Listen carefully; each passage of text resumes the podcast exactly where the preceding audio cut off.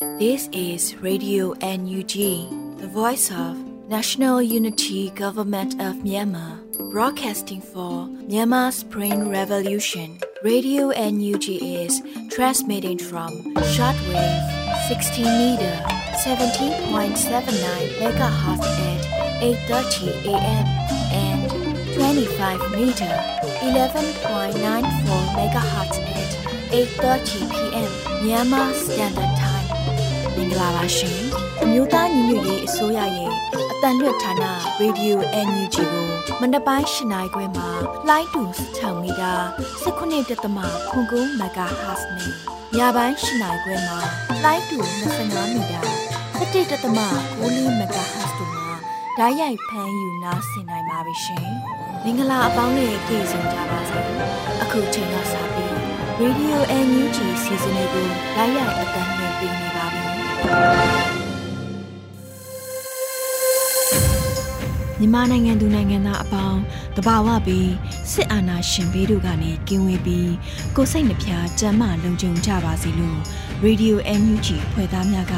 ဆုတောင်းမေတ္တာပို့သလာရပါတယ်ရှင်။အခုချိန်ကစပြီးကာကွယ်ဝင်မြဌာနရဲ့စစ်ရေးတရင်အကျဉ်းချုပ်ကိုဖုံးမြက်မျိုးဦးမှတင်ဆက်ပေးမှာဖြစ်ပါတယ်ရှင်။ မြို့သားညီညွတ်ရေးအစိုးရကာကွယ်ရေးဝန်ကြီးဌာနမှထုတ်ဝေသောစစ်ရေးသတင်းအကျဉ်းချုပ်ကိုဖတ်ကြားတင်ပြပေးသွားမှာဖြစ်ပါတယ်။စစ်ကောင်စီနှင့်တိုက်ပွဲဖြစ်ပွားမှုသတင်းများမှာကရင်ပြည်နယ်2022ခုနှစ်မတ်လ31ရက်နေ့ကော့ကရိတ်မြို့နယ်တောင်ဘက်မြို့ဟောင်းကျေးရွာအနီးမိကတိန်ဖျားကုန်းတွင်စကားစနှင့် KNL ပူးပေါင်းတပ်ဖွဲ့ဝင်များထိတွေ့တိုက်ပွဲဖြစ်ပွားခဲ့ပြီးစစ်ကောင်စီတပ်သား15ဦးသေဆုံးခဲ့ကြောင်းသိရှိရသည်2022ခုနှစ်မတ်လ30ရက်နေ့ ကရင်ပြည်နယ်ဖရူဆိုမြို့နယ်ဖရူဆိုမြို့မှာရဲစခန်းနှင့်ခလာရ၄နှစ်ရှစ်တပ်စခန်းအနီးရှိစစ်ကောင်စီတပ်နှင့် DMO Local PDF နီးပညာလက်ယုံတပ်ဖရူဆို PDF အလဲပိုင်းတိုင်း1101တပ်တို့မှပူးပေါင်း၍တိုက်ပွဲဖြစ်ပွားခဲ့ပြီးစစ်ကောင်စီဘက်မှ၈ဦးသေဆုံးပြီးထိခိုက်ဒဏ်ရာရရှိသူများပြားကြောင်းသိရှိရသည်ချင်းပြည်နယ်မှာ2022ခုနှစ်မတ်လ31ရက်နေ့ချင်းပြည်နယ်မတူပီမြို့နယ်မှစစ်ကောင်စီရင်နှန်းကို စစ်ကူပေးရန်ဆင်းသွားသည့်စစ်ကောင်စီတပ်သားအင်အား150ကျော်နှင့် CDF မတူပီတို့ချန်ပီယံရွာသစ်နှင့်ရွာဟောင်းကြား၌တိုက်ပွဲပြင်းထန်နေပြီးစစ်ကောင်စီတပ်မှအထိနာသဖြင့်မတူပီမြို့ပေါ်မှပြည်သူပိုင်ကြောက်တဲ့ကားများကိုချောဆွဲ၍အင်အား90ခန့်ဖြည့်တင်းကာတိုက်ခိုက်ခဲ့ပြီးအဆိုပါတိုက်ပွဲ၌စစ်ကောင်စီတပ်မှ16ဦးသေဆုံး၍အများပြားထိခိုက်ဒဏ်ရာရရှိခဲ့ကြောင်းသိရှိရသည်2022ခုနှစ်မတ်လ30ရက်နေ့ချင်းပြည်နယ်မတူပီမြို့မှဆင်းလာသည့်စစ်ကောင်စီတပ်သားများသည် လဲမျိုးချောင်းနီးမိုင်းနှင်းမိသောကြောင့်စစ်ကောင်စီတပ်သား2ဦးသေဆုံးကြောင်းသိရှိရသည်စကိုင်းတိုင်းမှာ2022ခုနှစ်မတ်လ31ရက်နေ့စကိုင်းတိုင်းရွှေဘုံမြို့နယ်မင်္ဂလာကျေးရွာနီးဖြူစောတီစက္ကစတပ်သားများနှင့်စစ်စင်ရေးဆောင်ရွက်ရန်လာရောက်စဉ်ရွှေဘုံမြို့နယ်ပကဖတပ်ပေါင်းစုနှစ်မှာမိုင်းဆွဲတိုက်ခိုက်ခဲ့ရာစစ်ကောင်စီတပ်သားနှင့်ပြူစောထီ2ဦးသေဆုံးခဲ့ကြောင်းသတင်းရရှိသည်2022ခုနှစ် မတ်လ31ရက်နေ့စကိုင်းတိုင်းရွှေဘုံမြို့နယ်စိတ်ခွန်ရွာနီးစစ်စေးရေးဂိတ်အနီးရှိစစ်ကောင်စီတပ်သားနှင့်ပြူစောထီများကိုရွှေဘုံမြို့နယ်ပကဖတပ်ပေါင်းစုနှစ်မှဒရုန်းဖြင့်၄ကြိမ်ဘုံချတိုက်ခိုက်ခဲ့ရာစစ်ကောင်စီကားတစ်စီးပျက်စီးခဲ့ပြီးအများအပြားဒဏ်ရာရရှိသွားခဲ့ကြောင်းသိရှိရသည်2022ခုနှစ်မတ်လ29ရက်နေ့စကိုင်းတိုင်းမုံရွာမြို့နယ်အောင်စရာကုန်းတွင်တပ်ဆွဲထားသောစစ်ကောင်စီတပ်သားများကို Unity Force မုံရွာ Brother Defense Force နှင့်မဟာမိတ်ပူးပေါင်းတပ်ဖွဲ့များကလက်နက်ကြီးစိန်ပြောင်း15လုံးမိုင်း85လုံးဖြင့်တိုက်ခိုက်ခဲ့ကြောင်းသိရှိရသည်2022ခုနှစ်မတ်လ30ရက်နေ့စကိုင်းတိုင်းပလဲမြို့နယ်အင်မတီကျေးရွာအနီးစစ်ကောင်စီတပ်သားနှင့်ပြူစောထီများစခန်းအပြင်ထွက်လာစဉ်မြမတော်ဝင်နဂါးတပ်တော်မှတိုက်ခိုက်ခဲ့ရာစစ်ကောင်စီတပ်သားများနှင့်ပြူစောထီ9ဦးသေဆုံးခဲ့ကြောင်းသိရှိရသည်တနင်္သာရီတိုင်းမှာ2022ခုနှစ်မတ်လ31ရက်နေ့တနင်္သာရီတိုင်းတနင်္သာရီမြို့နယ် တိန်တော်ရွာမှ၌စစ်ကောင်စီတပ်သားများနှင့် PDF တို့ထိတွေ့တိုက်ပွဲဖြစ်ပွားခဲ့ရာထိုတိုက်ပွဲ၌စစ်ကောင်စီဘက်မှ2ဦးကြာဆုံးပြီး3ဦးဒဏ်ရာရရှိခဲ့ကြောင်းသိရှိရသည် PDF တပ်သားတို့လက်နက်ကြီးထိမှန်ပြီးဒဏ်ရာရရှိခဲ့ကြောင်းလည်းသတင်းရရှိသည်မွန်ပြည်နယ်မှာ2022ခုနှစ်မတ်လ31ရက်နေ့နနက်ပိုင်း၌မွန်ပြည်နယ်ကြိုက်ထုံမြို့နယ်မုတ်ပလင်လမ်းဆောင်တွင် အကြမ်းဖက်စစ်ကောင်စီစခန်းကို KNL နှင့် PDF ကြိုက်ထိုတော်လန်ရေးအင်အားစုပူးပေါင်းတပ်ဖွဲ့များမှဝင်ရောက်ပစ်ခတ်ခဲ့ရာစစ်ကောင်စီတပ်သားနှင့်စက္ကစလက်အောက်ခံရဲ6ဦးသေဆုံးခဲ့ပြီး3ဦးဒဏ်ရာရရှိသွားကြောင်းသိရှိရသည်ပစ်ခတ်ခံရပြီးနောက်စစ်ကောင်စီများသည်မုတ်ပလင်ကျေးရွာထဲသို့တနက်ဖောက်၍အိမ်တိုင်းလမ်းကျိုလမ်းကြားမှာမကျန်ရှာဖွေစစ်ဆေးမှုများပြုလုပ်နေကြောင်းသတင်းရရှိသည်မကွေးတိုင်းမှာ2022ခုနှစ်မတ်လ30ရက်နေ့မကွေးတိုင်းမြိုင်မြို့နယ်စိတ်ချေကျတဲ့ကျေးရွာအနီး မြိုင်ပဟင်းလမ်းမပေါ်၌စစ်ကောင်စီတပ်ဖွဲ့များအားမြိုင် Village Revolution Front နှင့်မြိုင် Hero Generation တို့မှပူးပေါင်းတိုက်ခိုက်ခဲ့ပြီးတိုက်ပွဲအတွင်းစစ်ကောင်စီတပ်သားတအူသေဆုံးခဲ့ကြောင်းသိရှိရသည်2022ခုနှစ်မတ်လ30ရက်နေ့မကွေးတိုင်းပခုတ်ကူမြို့နယ်ကျွန်းချောင်းစိတ်ဖြူလမ်းပေါ်မှာစက္ကစရင်နှန်းကိုမြစ်ချေကျွန်းချောင်း PDF မှတိုက်ခိုက်ခဲ့သည့်အတွက်စစ်ကောင်စီတပ်သား2ဦးမိုင်းထိသေဆုံး၍9ဦးဒဏ်ရာရရှိခဲ့ကြောင်းသိရှိရသည် ဆက်လက်ပြီးစစ်ကောင်စီမှကျူးလွန်နေသောစစ်ရာဇဝတ်မှုသတင်းများကိုတင်ဆက်ပေးသွားမှာဖြစ်ပါတယ်။ကရင်ပြည်နယ်မှာ2022ခုနှစ်မတ်လ31ရက်နေ့ကရင်ပြည်နယ်ဒီမော့ဆိုးမြို့နယ်အရှိတ်ဘက်ချမ်းဒေါခုလီကျေးရွာ၌စကားစတက်မှလက်နက်ကြီးဖြင့်ရန်တပ်ပစ်ခတ်မှုကြောင့်နေအိမ်တစ်လုံးပျက်စီးသွားခဲ့ကြောင်းသတင်းရရှိသည်။မန္တလေးတိုင်းမှာ2022ခုနှစ်မတ်လ31ရက်နေ့မန္တလေးတိုင်းတောင်သာမြို့နယ်စံဦးကျေးရွာမှပြူစောတိခေါင်းဆောင် အောင်မျိုးဆွေခငရမကန်းသည်အမျိုးသမီးတဦးအားမဒိန်ကျင့်ခဲ့ကြောင်းသတင်းရရှိသည်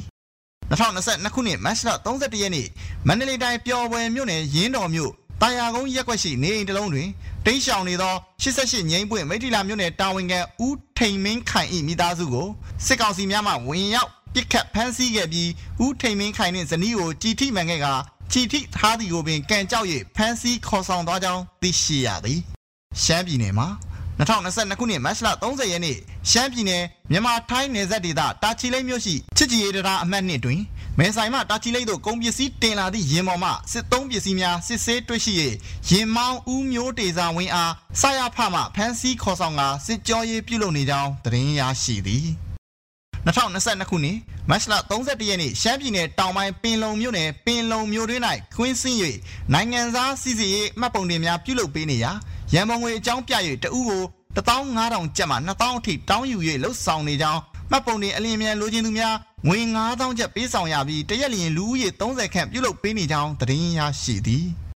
2022ခုနှစ် မတ်လ29ရက်နေ့ညနေပိုင်းရှမ်းပြည်နယ်ကြောင်မဲမြို့နယ်ကြောင်မဲမြို့စီမင်သားရေးရုံးအနီးဘုံပေါက်ကွဲမှုဖြစ်ပွားခဲ့ပြီးနောက်မြို့ရင်း၌လမ်းသွားလမ်းလာအမျိုးသား3ဦးကိုကားပေါ်၌ရိုက်နှက်ပြီးတင်သွားရမှကြောင်မဲမြို့နယ်ပန်ပိုကျေးရွာတွင်နေထိုင်သူစိုင်းပီ42နှစ်မှာရိုက်နှက်ဒဏ်ရာများဖြင့်သေဆုံးသွားခဲ့ပြီးအလောင်းကိုငွေကျပ်10သိန်းပေး၍ပြန်လည်ထုတ်ယူခဲ့ရကြောင်းသတင်းရရှိသည်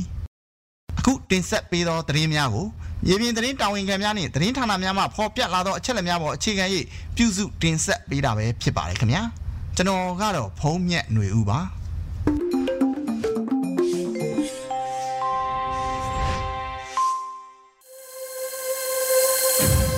အခုဆက်လက်ပြီးနောက်ဆုံးရသတင်းများကိုຫນွေဦးမုံမှတင်ဆက်ပေးမှာဖြစ်ပါတယ်ရှင် မင်္ဂလာပါရှင်နောက်ဆုံးရသတင်းများကိုတင်ဆက်ပေးသွားမှာဖြစ်ပါတယ်ခုတင်ဆက်မဲ့သတင်းတွေကိုတော့ Radio NUG သတင်းတာဝန်ခံတွေနဲ့ခိုင်လုံတဲ့မိဘသတင်းရင်းမြစ်တွေကအခြေခံတင်ပြထားတာဖြစ်ပါတယ်ကျမຫນွေဦးမွန်ပါ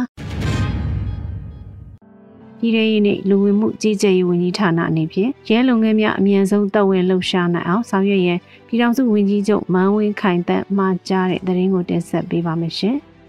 ပြည်ထောင်စုနှင့်လူဝင်မှုကြီးကြပ်ရေးဝန်ကြီးဌာနအနေဖြင့်ရဲလုပ်ငန်းများအမြင့်ဆုံးတပ်ဝင်လှုပ်ရှားနိုင်အောင်ဆောင်ရွက်ဖို့ပြည်ထောင်စုဝန်ကြီးချုပ်မန်းဝင်းခိုင်တန်းကမှာကြားလိုက်ပါတယ်။မက်လ30ရက်နေ့ကျင်းပတဲ့ဂျာကာလဒေသန္တရပြည်သူ့အုပ်ချုပ်ရေးဖော်ဆောင်မှုဗဟိုကော်မတီအစည်းအဝေးခုနှစ်မြင်းဆောင်2022ကျင်းပရာမှာပြည်ထောင်စုဝန်ကြီးချုပ်မန်းဝင်းခိုင်တန်းကပြောကြားခဲ့တာပါ။ဂျာကာလဒေသန္တရအုပ်ချုပ်မှုဖော်ဆောင်မှုဗဟိုကော်မတီအနေဖြင့်ရေးကြီးသောကာလဖြစ်ဝန်ကြီးဌာနများကြားဆောင်ရွက်တင်နေများပူးပေါင်းဆောင်ရွက်ကြရန် မြေပြင်ဖြစ်ပေါ်နေတာတွေနဲ့ကွဲလွန်မှုမရှိအောင်စနစ်တကျလှုံ့ဆော်ကြရန်ပြည်ထောင်စုနဲ့လူဝင်မှုကြီးကြပ်ရေးဝန်ကြီးဌာနအနေဖြင့်လည်းရဲလုပ်ငန်းများအမြန်ဆုံးတပ်ဝင်လှုပ်ရှားနိုင်အောင်ဆောင်ရွက်ရန်ဝန်ကြီးဌာနအလုံးလက်တွဲညီညီဆောင်ရွက်ပေးနေကြမည်ဟုယုံကြည်ပြီးကြိုးပမ်းဆောင်ရွက်ကြရန်တို့ပြည်ထောင်စုဝန်ကြီးချုပ်ကပြောကြားခဲ့ပါတယ်။ဆက်လက်ပြီးဗဟိုကော်မတီဥက္ကဋ္ဌတစ်ပြည်ထောင်စုဝန်ကြီးဦးလွင်ကိုလက်ကဂျာကာလပြည်သူ့အုပ်ချုပ်ရေးဆောင်ရွက်ထားခြင်းများကိုရှင်းလင်းတင်ပြခဲ့ပါတယ်။ အစည်းအဝေးမှာဂျာကာလာအုပ်ချုပ်ရေးလုပ်ငန်းစဉ်များအကောင့်ထဲပေါ်ဆောင်ရွက်ထားမှုအခြေအနေမြေပြင်ဆက်သွယ်ရေးအစဉ်ပြေချော့မွေ့နိုင်စေရေး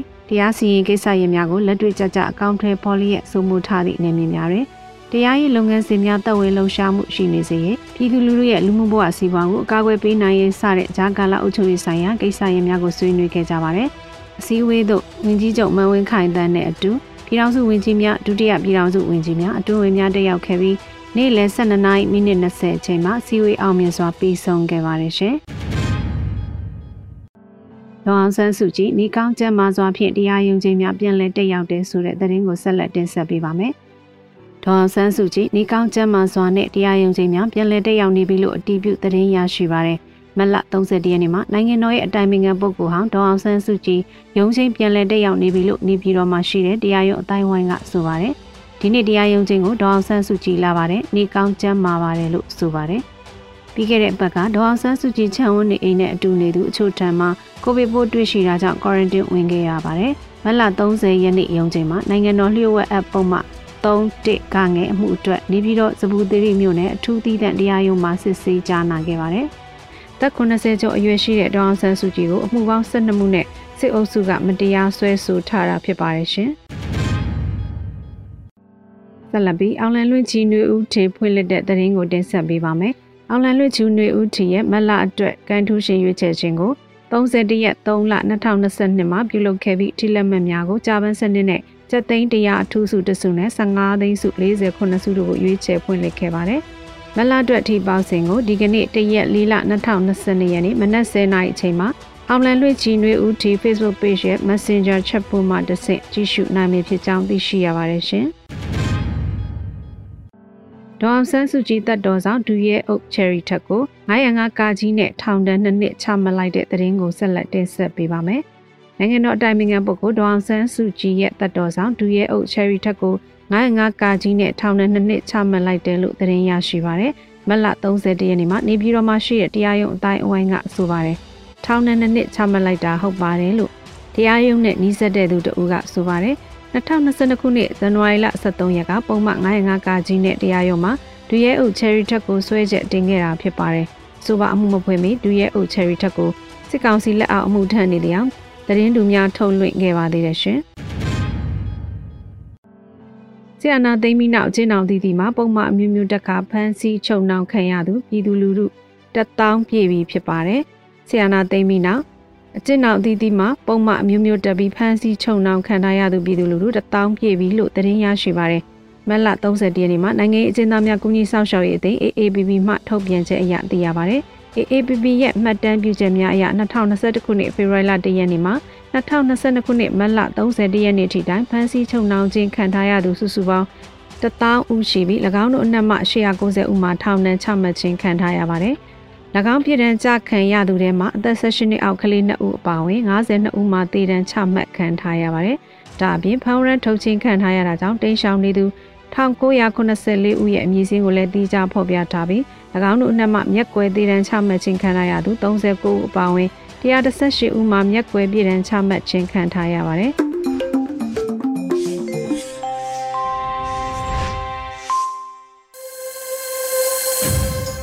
Radio NUG မှာဆက်လက်အသံလွှင့်နေပါတယ်။အခုဆက်လက်ပြီးနေ့စဉ်သတင်းများကိုမျိုးတော်တာမှတင်ဆက်ပေးမှာဖြစ်ပါတယ်ရှင်။ပထမဆုံးတင်ဆက်ပေးမှာကတော့ပြည်ထောင်စုလွှတ်တော်ကိုစားပြုကော်မတီ CRPH နဲ့အမျိုးသားညီညွတ်ရေးအစိုးရနိုင်ငံခြားရေးဝန်ကြီးဌာနအဖွဲ့တို့အကြားတွဲဆုံဆွေးနွေးမှုတွေပြုလုပ်တဲ့ဆိုတဲ့သတင်းမှာပြည်ထောင်စုလွှတ်တော်ကိုစားပြုကော်မတီ CRPH ရဲ့နိုင်ငံတကာဆက်ဆံရေးကော်မတီနဲ့အမျိုးသားညီညွတ်ရေးအစိုးရ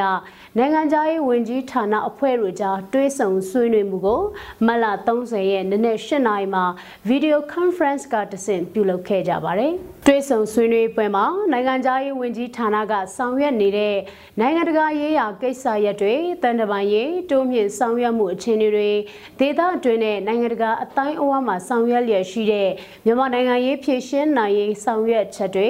မြန်မာနိုင်ငံလူ့အခွင့်အရေးချိုးဖောက်ခံရမှုတွေဆက်လက်နဲ့ရောင်းဝယ်မှုပိတ်ပင်ဓာစီရင်းနဲ့လူသားချင်းစာနာထောက်ထားရေးအတွက်ဆောင်ရွက်နေတဲ့ကိစ္စရပ်တွေပေါ်ဆွေးနွေးခဲ့ကြတာဖြစ်တယ်လို့သတင်းထုတ်ပြန်ချက်မှာဖော်ပြထားပါတယ်။ တွဲဆောင်ပွဲကိုပြည်ထောင်စုလွှတ်တော်ကိုစားပြုကော်မတီနိုင်ငံတကာဆက်ဆံရေးကော်မတီဥက္ကဋ္ဌဒေါ်မြတ်တီရာထွန်းအတွင်ရေးမှူးဦးတင်ကိုကိုဦးနဲ့အဖွဲ့ဝင်များပြည်ထောင်စုလွှတ်တော်ကိုစားပြုကော်မတီအဖွဲ့ဝင်ဦးရောဘတ်ညေးရယ်တို့တက်ရောက်ခဲ့ကြပါတယ်။အမျိုးသားညွရေးအစိုးရနိုင်ငံသားရေးဝန်ကြီးဌာနကတုဝင်ကြီးဦးမိုးစောဦးတို့အဖွဲ့တက်ရောက်ခဲ့ကြပါတယ်။ အခုတင်ဆက်ပေးမှာကတော့အမျိုးသားညွရေးအစိုးရထံကိုလှူဒန်းငွေနဲ့ထောက်ပံ့ငွေသုံးစွဲမှုအတွက်ပြည်ထောင်စုစည်ရင်ချုပ်ရုံးတဲ့စီမံကိန်းဗဏ္ဍာရေးနဲ့ယင်းဒီမြုပ်နှံမှုဝင်ကြီးဌာနပူးပေါင်းပြီးအလုပ်ယုံဆွေးနွေးပွဲပြုလုပ်တဲ့ဆိုတဲ့သတင်းမှာ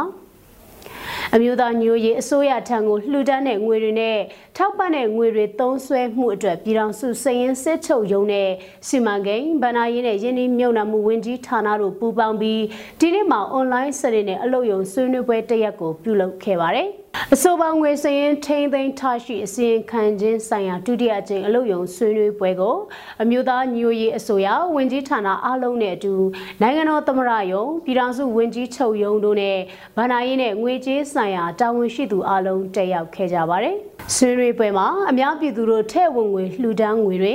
နိုင်ငံတကာအဖွဲ့အစည်းတွေမိတ်ဆွေနိုင်ငံတွေရဲ့ထောက်ပံ့ငွေတွေကိုသုံးစွဲဆောင်ရွက်ကြရမှာ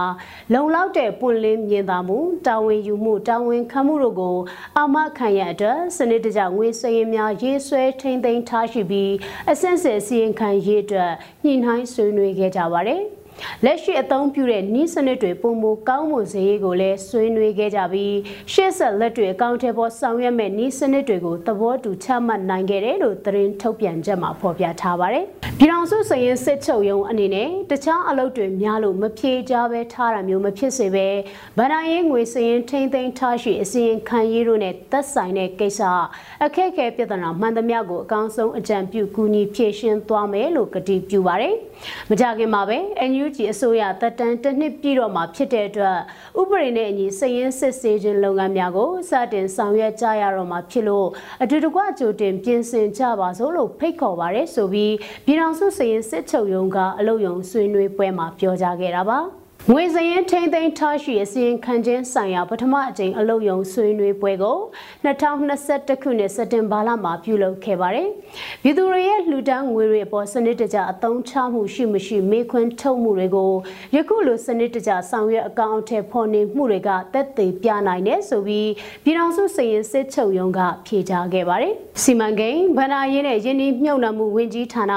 တူဝင်ကြီးဦးမင်းစေရဦးကဦးဆောင်ပြီးဝန်ကြီးဌာနရဲ့ဘဏ္ဍာရေးဘတ်ဂျက်နဲ့စည်ရင်းအင်းတွေကိုရှင်းလင်းခဲ့ပါတယ်။အခြားသောဝန်ကြီးဌာနတွေကတည်တင့်တည်ထိုက်တဲ့လုံထုံးလုံဤနောက်ဆုံးပြင်ဆင်ချက်တွေလိုအပ်ချက်တွေကိုဥဆောင်ဆွေးနွေးခဲ့ကြပါတယ်။ဆက်လက်တင်ဆက်ပေးမှာကတော့ဥဖုံကြားရှင်နိုင်ရေးကိုအမျိုးသားညူရေးအစိုးရအစိုးရအဖွဲ့ဝင်2ဦးတက်ရောက်ကာရဝပြုတဲ့ဆိုတဲ့သတင်းမှာ မြန်မာအမျိုးသားဒီမိုကရက်တစ်မဟာမိတ်တပ်မတော် MNDAA တည်ထောင်သူဥက္ကဋ္ဌဟောင်းဦးဖုန်ကြားရှင်ရဲ့နိုင်ရေးဇာပနာအခမ်းအနားကိုအမျိုးသားညူရေးအစိုးရအစိုးရအဖွဲ့ဝင်2ဦးကတက်ရောက်ကာရဝပြုခဲ့ကြပါတယ်။ဦးဖုန်ကြားရှင်ကဖေဖော်ဝါရီ16ရက်မှာကွယ်လွန်ခဲ့တာဖြစ်ပြီးတော့ဇာပနာအခမ်းအနားကိုမလ29ရက်နဲ့31ရက်အထိပြုလုပ်ခဲ့တာဖြစ်ပြီးတော့ရုပ်အလောင်းကို31ရက်မှာမိုင်းလာမြို့မှာကုသွန်းတကြုံမှာပါ။ မိုင်လာမျိုးငင်းကြရေးရင်ပြမှာပြုလုပ်တဲ့ဇာပနာအခမ်းအနားကိုအမျိုးသားညိုရေးအစိုးရကိုယ်စားလှယ်အဖြစ်နဲ့တယံဇာတနဲ့တဘာဝပတ်ဝန်းကျင်ထိန်းသိမ်းရေးဝန်ကြီးဌာန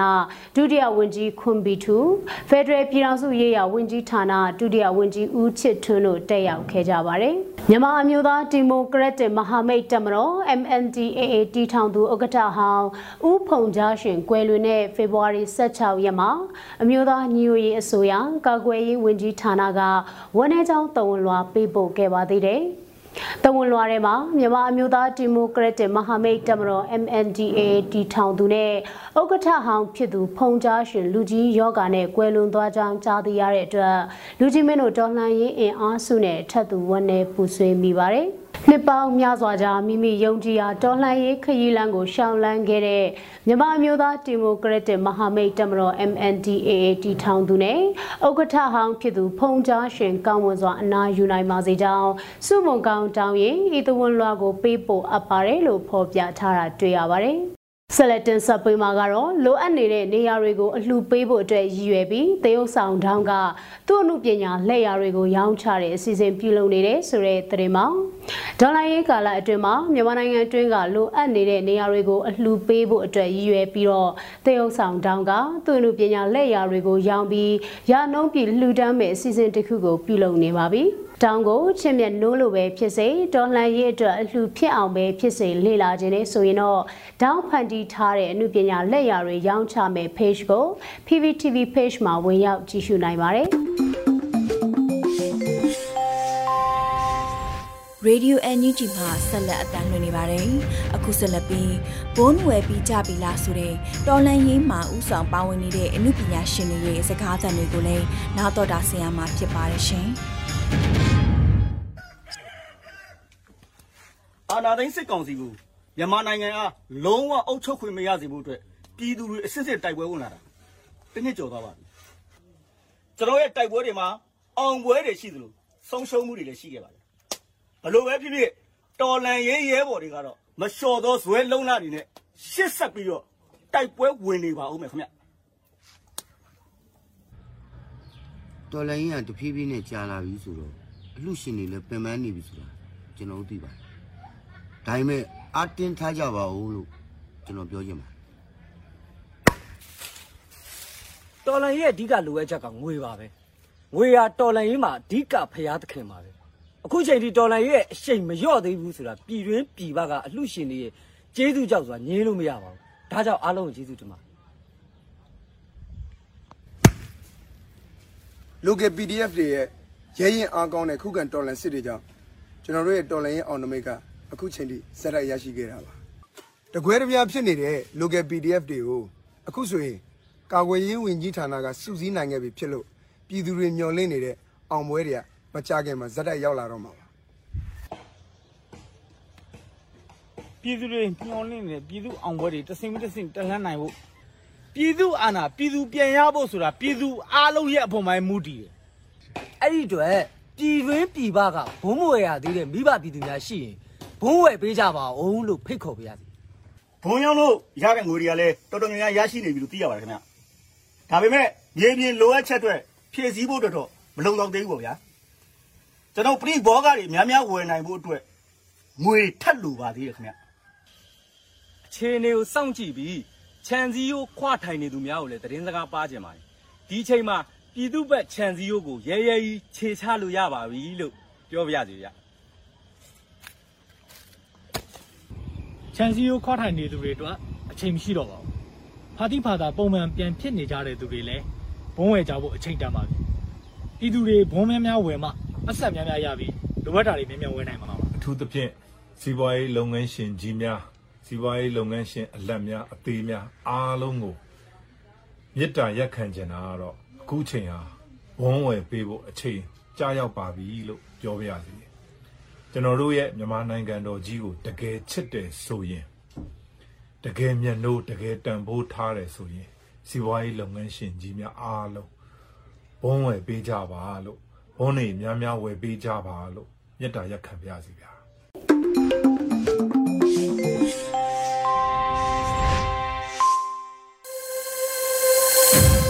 Radio NUG မှာဆက်လက်အသံလွှင့်နေပါတယ်။အခုဆက်လက်ပြီးတိုင်းရင်းသားဘာသာစကားအစီအစဉ်နေနဲ့ဂျိုချင်းဘာသာစကားခွဲတစ်ခုဖြစ်တဲ့ကန်ဘာသာစကားဖြင့်သတင်းထုတ်လွှင့်မှုကိုတင်ဆက်ပေးမှာဖြစ်ပါတယ်ရှင်။ဒီအစီအစဉ်ကို Radio NUG နဲ့ဂျိုချင်းဘာသာစကားထုတ်လွှင့်မှုအစီအစဉ်အဖွဲ့တို့မှပူးပေါင်းထုတ်လွှင့်တင်ဆက်ပေးတာဖြစ်ပါတယ်ရှင်။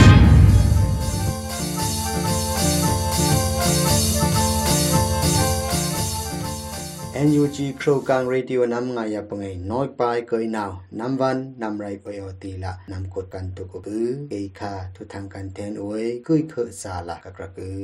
มัชเฮืบทองอ่อนเฮืบก่อนเฮืบปะมิงดา CTF อ่อนรายกับเทตูอันนุยละกับกรุกตีละมิงดา CTF เอ็นเติกเอ็นอคามุยเบอร์ละมิงดาขบุยคุยะปวาติตาพีกับกรุกตีละอยากลอมกือมิงดาอ่อนบาตุเออันนันละการายกับเทตูอ่อน CTF ปีนำไรกับตูอนุยไปละกับรูเอ็นไรกับเทงาชีเอ็นอเดิมดาอนุยละเลมกตีละมิงตัด CTF วันตะกูมาเชิบทุ่มกิบเนปะมิงตัดอ่อนบะตุยอันนันละกาอนุยไปละอัมกะรูนาเกดงาวะโคละเมใกายละอุปเงรายกาบเทตูคุยคานางูเอ็นบอมเฮอวยละรายกาบเทตูพระอ่อนงะกิบะตูละเมการกลุ่มโลเอ็นครั้งปรังพักเขินกตีละอยากลองกู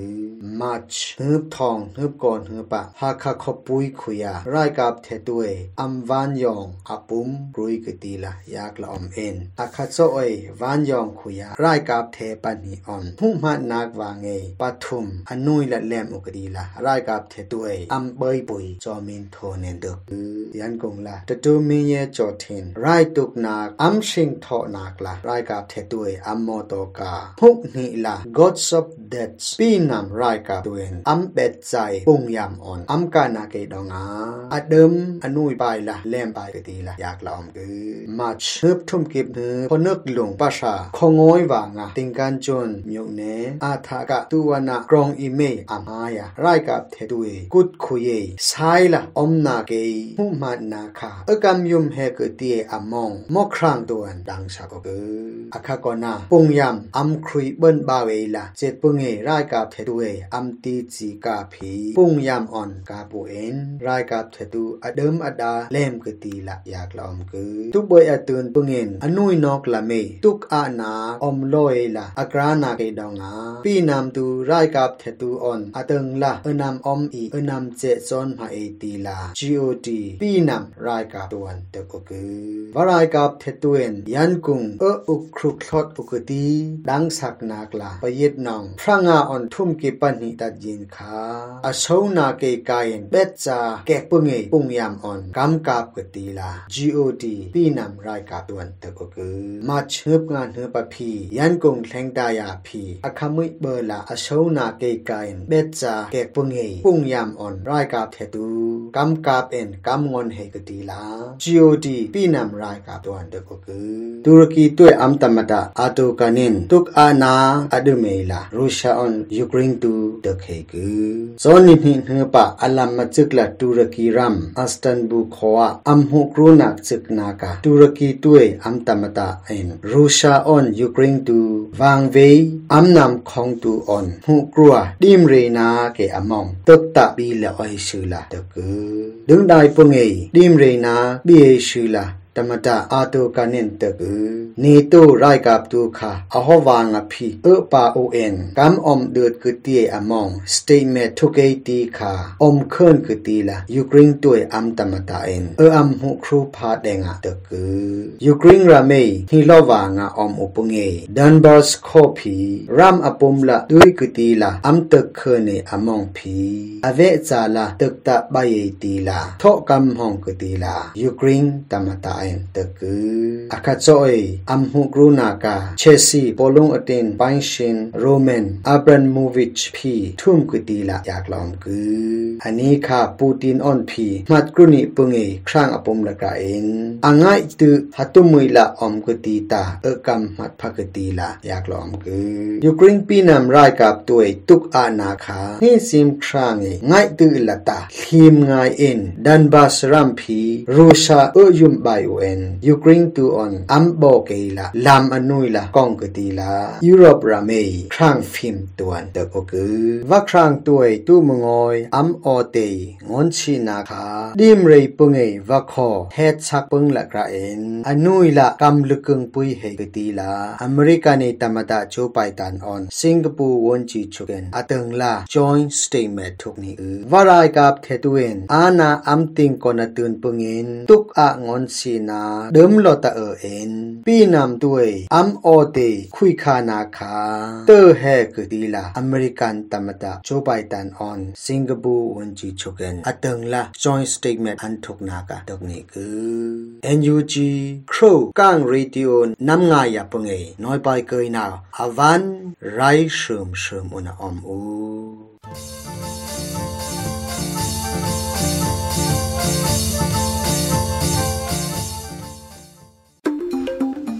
ကနေ့ကတော့ဒီညနေပဲ Radio NUG ရဲ့အစီအစဉ်လေးကိုခေတ္တရ延လိုက်ပါမယ်ရှင်မြန်မာစံတော်ချိန်မနေ့၈နိုင်ခွဲနဲ့ည၈နိုင်ခွဲအချိန်တွေမှာပြောင်းလဲဆိုပြကြပါလို့ရှင် Radio NUG ကိုမနေ့ပိုင်း၈နိုင်ခွဲမှာလိုင်းတူ16မီတာ19.7 MHz နဲ့ညပိုင်း၈နိုင်ခွဲမှာလိုင်းတူ25မီတာ17.6 MHz တို့မှာဓာတ်ရိုက်ဖမ်းယူ နားဆင်နိုင်ပါပြီရှင်။မြန်မာနိုင်ငံသူနိုင်ငံသားများကိုစိတ်နှဖျားစမ်းမချမ်းသာလို့ဘေးကင်းလုံခြုံကြပါစေလို့ Radio NUG ရဲ့ဖွဲ့သူဖွဲ့သားများကဆုတောင်းလိုက်ရပါတယ်။ San Francisco Bay Area အခြေဆိုင်မြမမိသားစုများနဲ့နိုင်ငံတကာကစေတနာရှင်များလို့အားပေးများရဲ့ Radio NUG ဖြစ်ပါတယ်ရှင်။အရေးတော်ပုံအောင်ရမည်။